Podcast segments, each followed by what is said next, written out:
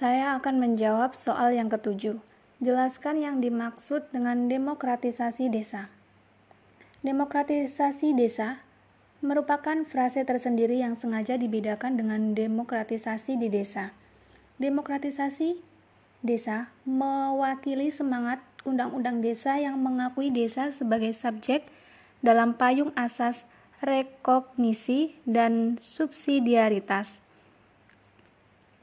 Pilihan frase tersebut juga dimaksudkan untuk menunjukkan bahwa desa bukanlah ruang geografi kosong yang beranjak dari sosio budaya manusia yang tinggal di dalamnya, seperti tertangkap dari frase demokrasi di desa. Sebaliknya, desa merupakan kesatuan teritorial atau wilayah yang melekat dan terikat pada kehidupan manusia di atasnya, beserta tradisi dan adat istiadat yang menggerakkan kehidupan itu. Dengan demikian, frase atau konsep demokratisasi desa berarti upaya menggerakkan demokrasi dalam kekhasan desa itu sendiri. Demokrasi dilaksanakan dan dikembangkan dalam semangat pengakuan keunikan dan kekhasan tradisi desa. Siapa saja aktor demokratisasi desa dan apa peran mereka jelaskan. Undang-Undang Desa telah membicarakan secara lengkap pihak-pihak yang berperan dalam pembangunan dan pemberdayaan masyarakat desa.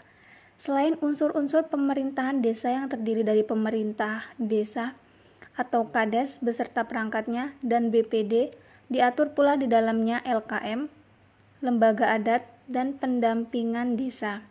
Dari situ dapat dirinci aktor-aktor demokratisasi desa adalah sebagai berikut. Yang pertama, desa memiliki peran berkewajiban mengembangkan kehidupan demokrasi. Yang kedua, kepala desa memiliki peran berkewajiban melaksanakan kehidupan demokrasi dan berkeadilan gender. Yang ketiga, Badan Permusyawaratan Desa memiliki peran berkewajiban melaksanakan kehidupan demokrasi yang berkeadilan gender. Yang keempat, Lembaga Kemasyarakatan Desa memiliki peran sebagai pemberdayaan masyarakat desa sebagai mitra pemerintah desa dalam urusan sektoral. Yang kelima, lembaga adat memiliki peran sebagai wadah aspirasi masyarakat yang dibentuk atas prakarsa masyarakat. Yang keenam, unsur masyarakat memiliki peran sebagai tokoh atau kelompok-kelompok masyarakat yang memiliki di bidang garapan tertentu yang ketujuh, KPMD atau kader pendamping masyarakat desa memiliki peran sebagai kader desa yang dilatih untuk melakukan pemberdayaan masyarakat. Dan yang kedelapan, pendamping desa merupakan figur yang bertugas mendampingi desa dalam berbagai kegiatan pembangunan dan pemberdayaan. Mengapa Musdes disebut sebagai arena demokratisasi desa? Jelaskan. Karena Musdes merupakan forum musyawarah antar antara BPD, pemerintah desa, dan unsur masyarakat yang diselenggarakan oleh Badan Permusyawaratan Desa untuk menyepakati hal yang bersifat strategis, bisa terkait tentang penataan desa, perencanaan desa, rencana investasi yang masuk ke desa, pembentukan BUM desa, dan beberapa yang lainnya dengan prinsip partisipatif, demokratis, dan transparan. Berikan contoh kasus penyimpangan atas prinsip demokrasi desa.